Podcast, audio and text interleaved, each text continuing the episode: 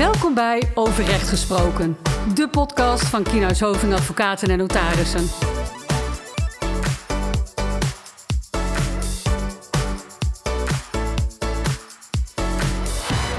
Zo, een nieuwe samenstelling aan tafel.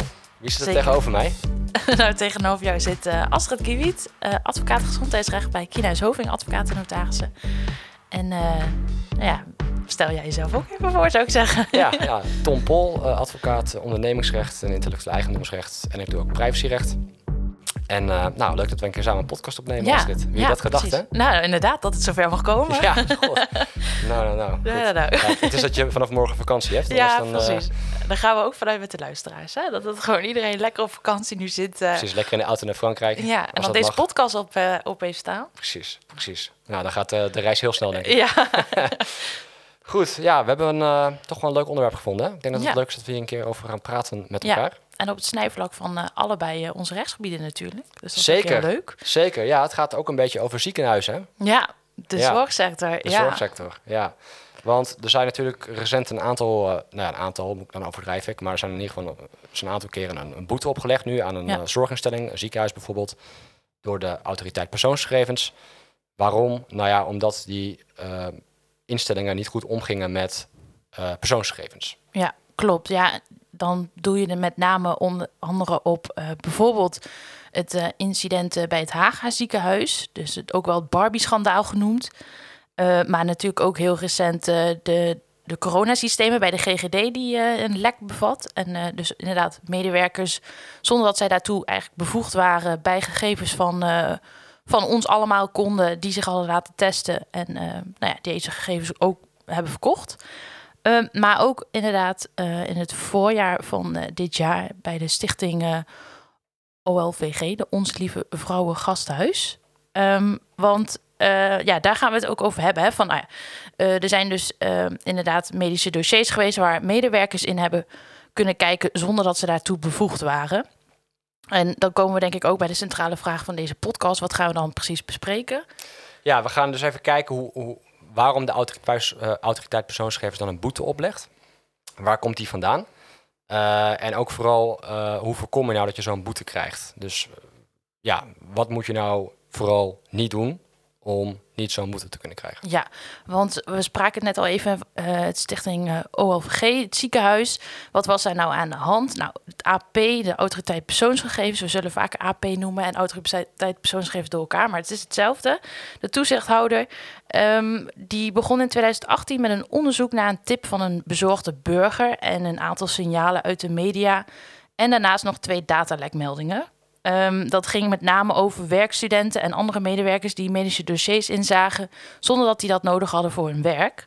Nou, op basis van dat onderzoek kwam de AP uh, tot de conclusie dat het structureel niet goed, uh, dat het ziekenhuis structureel niet goed omging met de toegang tot medische dossiers. Er waren namelijk twee overtredingen. Uh, allereerst, het ziekenhuis moet namelijk bijhouden en regelmatig controleren wie welk dossier raadpleegt. Zo kan het ziekenhuis tijdig signaleren wanneer iemand een dossier raadpleegt terwijl dat uh, niet mag. En daartegen dus ook maatregelen nemen als dat nodig is. Nou, het ziekenhuis hield wel automatisch bij welke medewerker wanneer welk medisch dossier inzag, door middel van inlogging. Maar controleerde vervolgens niet vaak genoeg op onbevoegde toegang. Nou, de tweede overtreding zag, uh, ziet er eigenlijk op het volgende. Bij een goede beveiliging hoort authenticatie met tenminste twee factoren. De identiteit van de gebruiker om toegang te krijgen tot een patiëntendossier wordt dan bijvoorbeeld vastgelegd met een code of een wachtwoord in combinatie met een personeelspas. Nou, het ziekenhuis maakte, in het ziekenhuis, uh, maakte geen gebruik van deze twee uh, factor authenticatie. Inloggen buiten het ziekenhuis ging wel via een twee-factor authenticatie, maar dat was onvoldoende. Nou, dat resulteerde uiteindelijk tot een boete van 440.000 euro, niet mis. Flink bedrag, wat ja, je anders had kunnen is besteden echt, aan... Uh, ja, het is natuurlijk zorggeld, dat is ja, wel. Uh, zonde. Uh, maar Tom, ja, misschien is het goed om even over die grondslag. Hè? Waar komt die, die boete nou vandaan? Ja, in ieder geval bij het OLVG ging het om uh, het beruchte artikel 32 van de uh, privacyverordening, de Algemene Verordening Gegevensbescherming. Ja. Ja, wat, wat zegt artikel 32 nu? Kijk, organisaties die persoonsgegevens verwerken, die de verantwoordelijke zijn voor de verwerking van persoonsgegevens, die moeten natuurlijk de beveiliging goed op orde hebben. Hè? Want je hebt wel uh, zorg te dragen voor de omgang met die persoonsgegevens. Dus dat artikel bepaalt dat je, uh, ja, een, uh, dat je passende technische en organisatorische maatregelen moet nemen. Worden ook wel vaak TOMS genoemd. hè? nou, hoe toepasselijk. ja, toepasselijk. ja, je moet dus technische en organisatorische maatregelen nemen die uh, ook afgestemd moeten zijn op het beveiligingsrisico wat de verwerking van de persoonsgegevens binnen jouw organisatie meebrengt. Hè, met andere woorden, je moet dus heel kritisch gaan kijken van oké, welk uh, verwerkingsrisico speelt er binnen mijn organisatie? En welke maatregelen zou ik moeten nemen om uh, de risico's die zich kunnen voordoen te mitigeren. Dus om die in te perken. Daar moet je heel kritisch naar kijken.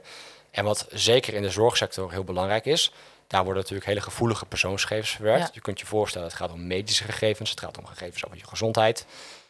Nou, dat zijn gegevens met een extra uh, gevoelig karakter. En dat uitzicht natuurlijk ook in de wet en regelgeving, want als jij zulke bijzondere persoonsgegevens verwerkt, ja, dan moeten er ook strengere eisen gelden. Dan moeten er ook betere eisen gelden voor jouw beveiliging. Dus uh, juist voor die, die zorginstellingen is het extra belangrijk om uh, te zorgen dat je een goed beveiligingsbeleid hebt. Nou, en, en, en de autoriteit persoonsgegevens, die heeft eigenlijk gezien dat het daaraan schortte. He, juist omdat personen die dat niet hoefden wel toegang hadden tot die gegevens bijvoorbeeld. Mm -hmm. Ja, dat soort uh, situaties moet je zien te voorkomen. Uh, en omdat dat niet gebeurd was, werd er een onderzoek ingesteld. Um, ja, en hoe, hoe uit die, die beveiliging zich nou, hè, met name in de zorgbranche ook, zijn een aantal standaarden die we in Nederland accepteren voor informatiebeveiliging. Ik noem even NEN 7510 uh, en NEN 7512. Er zijn er nog een aantal. Dat zijn eigenlijk algemeen geaccepteerde beveiligingsstandaarden. Uh, uh, en ja, als je daaraan voldoet, dan wordt eigenlijk aangenomen dat je wel een, een goed beleid hebt. Maar ja, dat is natuurlijk wel een continu proces van monitoren, uh, monitoren updaten en bijhouden. Um, ja, en volgens mij komt dat ook uh, terug hè, in de gedragscodes Ja. die, uh, die, die gelden in de Ja, zorg. klopt. Want het is natuurlijk heel veel wet en regelgeving. En eh, in de zorgsector nou, is het, was op een gegeven moment van... ja, waar moeten we nou precies aan voldoen? Nou, toen is er een... eh, er was al een gedragscode, maar die is dus eh, hernieuwd. Eh, de gedragscode EGIS, dat staat voor elektronische gegevensuitwisseling in de zorg. En die heeft eigenlijk die wet en regelgeving... wat meer verder toegepast op de zorgsector. Zodat het nou, net wat makkelijker leest en dat, wat- dat je ook weet van nou ja, als zorginstelling, waar moet ik aan voldoen? Dus inderdaad, het verhaal wat jij net vertelt, dat, eh, dat staat ook in die gedragscode. En dat is ook echt wel een, een handige tip om die te gebruiken ehm, in de praktijk.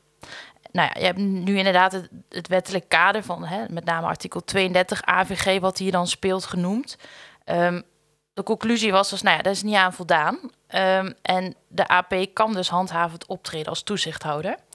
En misschien is het dan goed van, hè, hoe komt dan die hoogte? Want we hadden het net over 440.000 euro is een behoorlijke eh, som geld. Ehm, nou, hoe doet de AP dat dan precies? Zij houden bij het opleggen van de boetes rekening met de boetebeleidsregels. Nou wat zijn dan de boetebeleidsregels? Dit is een beleidsdocument waarin de AP heeft aangegeven welke factoren meewegen bij het bepalen van de hoogte van de boete. De boetebeleidsregels bieden de AP trouwens ook de nodige flexibiliteit om in individuele gevallen maatwerk te leveren. Nou, boetes kunnen namelijk opgelegd worden op grond van verschillende wetten door de AP. Bijvoorbeeld naar hetgeen jij net noemde, Tom, in de AVG. Ook in de AVG zijn namelijk boetemaxima opgenomen. Zo kan op grond van de AVG afhankelijk van de overtreding een maximumboete van 10 miljoen of 2% van de jaaromzet, dan wel 20 miljoen euro of 4% van de jaaromzet worden opgelegd. De boetemaxima uit de verschillende wetten vormen de basis voor deze boetebeleidsregels. En daarbinnen heeft de AP de boetes in meerdere categorieën eigenlijk opgedeeld, waaraan in zwaarte oplopende geldboetes zijn verbonden. Nou, welke overtredingen onder welke categorieën vallen, is verder gespecificeerd in de bijlagen van de boetebeleidsregels. Nou, van belang is dat de AP binnen elke categorie een boetebandbreedte hanteert met een bepaald basisbedrag. Dit is eigenlijk het startbedrag dat de AP als uitgangspunt neemt bij het opleggen van een boete en kan, uiteraard afhankelijk van de omstandigheden van het geval, verder worden verhoogd. De hoogte van de op te leggen boete wordt uiteindelijk afgestemd op basis van verschillende factoren. Nou, bij die factoren kun je denken aan getroffen maatregelen, de mate van nalatigheid en de draagkracht van de overtreder. En binnen de bandbreedte van de betreffende boetecategorie zal de AP in feite ja, plussen en minnen afwegen en de boete bepalen. De AP kan een boete buiten de grenzen van de boetebandbreedte ook opleggen als de hoogte van de boete ook weer gezien de omstandigheden van het concrete geval, wat we natuurlijk vaak zeggen als jurist, uh, anders niet voldoende preventieve werking heeft of onredig, onevenredig hoog is.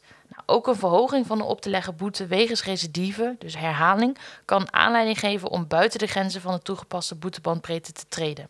Nou, dit laat dus inzien hoe de boete van 440.000 euro voor het ziekenhuis tot stand is gekomen. En dan, uh, ja, dan ligt dus eenmaal die boete daar. Dan heb je, dus dan krijg je de brief, je mag 440.000 euro betalen. En ja, wat ga je dan mee doen? Dat is dan de vraag. Ja, dat kunnen verschillende dingen zijn. Hè? Het kan ook zijn dat je als organisatie denkt van... nou, weet je wat, ik berust erin en ik ben het er misschien niet helemaal mee eens. Of ik vind het toch dat die boete wat hoog is, maar we, we tikken hem af. Hè? Want het is nu eenmaal zo gelopen. Maar ja, je kunt er ook voor kiezen om te zeggen van... nou ja, weet je wat, wij maken bezwaar tegen die boete. En als dat niet wordt gehonoreerd door de, door de uh, autoriteit persoonsgevers... dan gaan wij in beroep bij de rechter. Ja.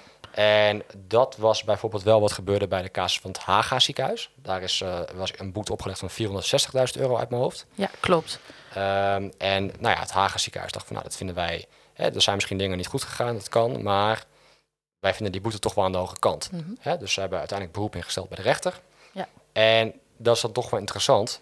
Dan zie je toch wel dat die rechter wel echt uh, kritisch gaat kijken van ja, vinden we die boete nu uh, te hoog, ja of nee? En uh, in het geval van het Haga ziekenhuis heeft dat toch wel geloond, want die boete is uiteindelijk verlaagd met 110.000 euro naar 350.000 euro. Ja, dat scheelt wel een hoop. Dat scheelt een hoop, ja. hè? Ja. ja. dat is wel... Uh, ja. ja, want de rechter die, die vond eigenlijk anders dan de AP... dat meewoog dat het ziekenhuis wel een aantal beveiligingsmaatregelen had genomen... En het ziekenhuis tijdens de bezwaarfase te tegen de boete haar beveiliging verder had verbeterd. Dus eigenlijk al aan de slag was gegaan met, uh, met nou ja, we moeten het toch anders gaan doen. Nou ja, en daar, uh, daaruit bleek voldoende de bereidheid tot verbetering. En uh, werd de nalatigheid die het ziekenhuis werd verweten wat meer genuanceerd. Dus dat leidde inderdaad tot, tot vermindering van de boete. En dat loont dus in ja, dit geval. Het kan dus toch wel de moeite waard zijn Ja. om gewoon kritisch te kijken of misschien toch die boete wat kan worden gematigd. Ja, precies. Ja, want we hebben het dan nu inderdaad heel erg over hè, die privacywetgeving, de AVG. Um, en daar ziet natuurlijk de AP op toe. Um, en je hebt daarnaast natuurlijk ook gewoon de verhouding tot de patiënt. Dus meer het gezondheidsrechtelijke deel.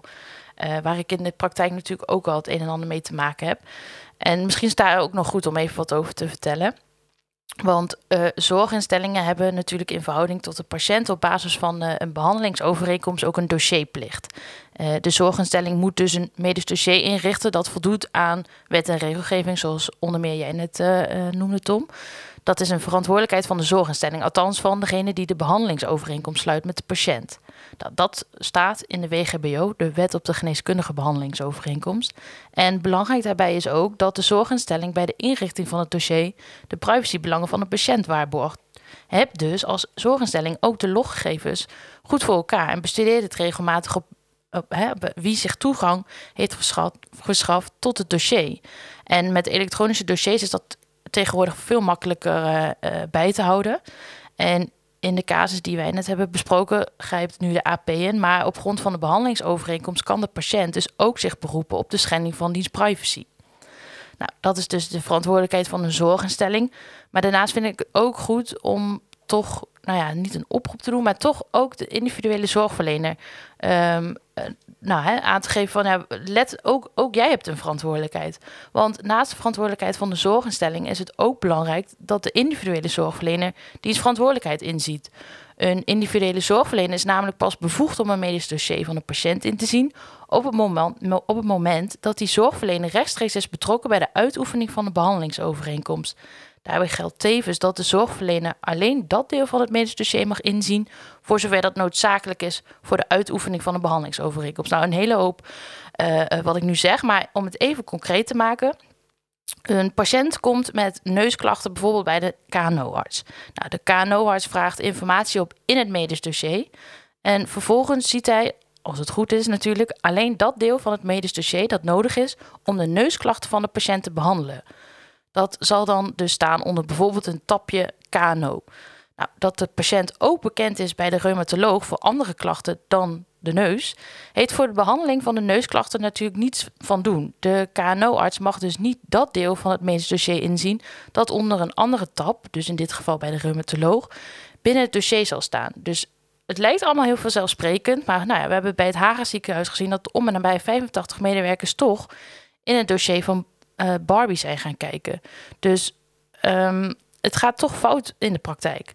Gebruik als individuele zorgverlener je gezond verstand. Klinkt ook weer heel makkelijk, maar ga niet zomaar in dossiers snuffelen als je niks te zoeken hebt. Dus ook niet in die van je, bijvoorbeeld je buurman, als het goed bedoeld is, terwijl je geen behandeling uitvoert bij diegene. Dat is echt een verantwoordelijkheid van de zorgverlener zelf. En doe je dat dan toch? Ja, dan kan dat arbeidsrechtelijke en tuchtrechtelijke gevolgen hebben. Dat laatste overigens alleen wanneer je BIG geregistreerd bent. Dus dat geldt voor onder meer artsen en verpleegkundigen. Het levert namelijk een schending van het medisch beroepsgeheim op. Bijvoorbeeld de Inspectie voor de Gezondheidszorg, een andere toezichthouder dan de AP, die kan een tuchtklacht tegen je indienen. Nou, bestudering van de rechtspraak leidt tot de, leidt tot de conclusie dat een dergelijk voorval meestal uh, een waarschuwing oplevert. En een waarschuwing uh, is het lichtste uh, lichtste tuchtmaatregel. Het is natuurlijk wel afhankelijk van de omstandigheden. Hè? Dus ook iemands uh, tuchtrechtelijk verleden of iemand al vaker iets heeft gedaan.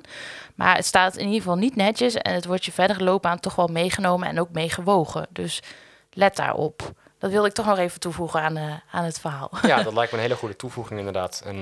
Kan me voorstellen dat, misschien, uh, dat je misschien benieuwd bent of zo. Ja. Van, nou ja, wat, uh, en misschien ook wel heel goed bedoeld. En helemaal niet door hebt van, oh, waar, ben ik mee bezig? Kan of, ik als specialist hier nog wat ja. aan bijdragen ja, bijvoorbeeld? want hè? je hebt uiteindelijk toch de gezondheid van iemand voor ogen. En dat snap ik ook heel goed. Maar ja, doe het toch niet, is nee, gebleken. Nee.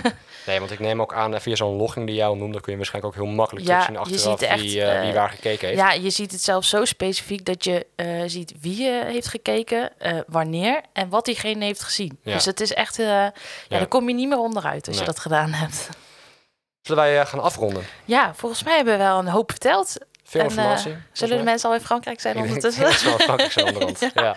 Ja, precies. Nee, misschien goed om nog wat tips voor de praktijk mee te geven. Ja, en als ik dan mag aftrappen... Dan, Ja, dat eh, zeker. ja, fijn, dankjewel Astrid. dan denk ik van, eh, in de eerste plaats, zorg... eh, nou, een open deur, maar zorg dat je je beveiliging op orde hebt. En wat kan je daar nou bij helpen? Ga eens een keer om tafel met een informatiebeveiligingsexpert. Hè, dat zijn uh, gespecialiseerde uh, personen, bedrijven... die alles weten van uh, welke informatienormen gelden voor jouw organisatie. En ook op basis daarvan dan afgestemd beleid kunnen maken. Zodat je eigenlijk kunt voorkomen dat je aan de voorkant te maken krijgt met privacy schendingen. Ja, precies. Liever vooraf dat het allemaal goed geregeld is dan achteraf dat je dit moet meemaken. En ik, ik heb daar nog wel een tweede tip. Uh, dat is toch, sla die gedragscode er nog eens op na. Want dat geeft echt wel een heel goed beeld van... waar moet ik als zorginstelling nu precies aan voldoen? Um, doe ik het goed op dit moment uh, of niet? Maar dan, heb je nog, hè, dan ben je misschien nog op tijd om het allemaal goed te regelen voordat er zo'n boete op de mat valt.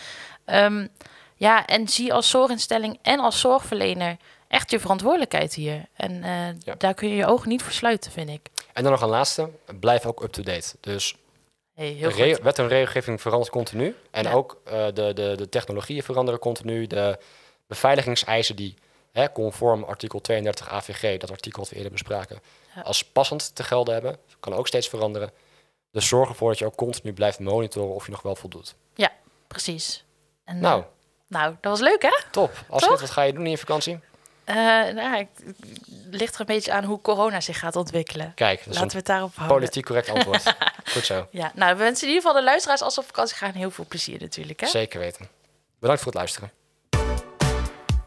Dit was Overrecht Gesproken, de podcast van Kienhuis Hoving.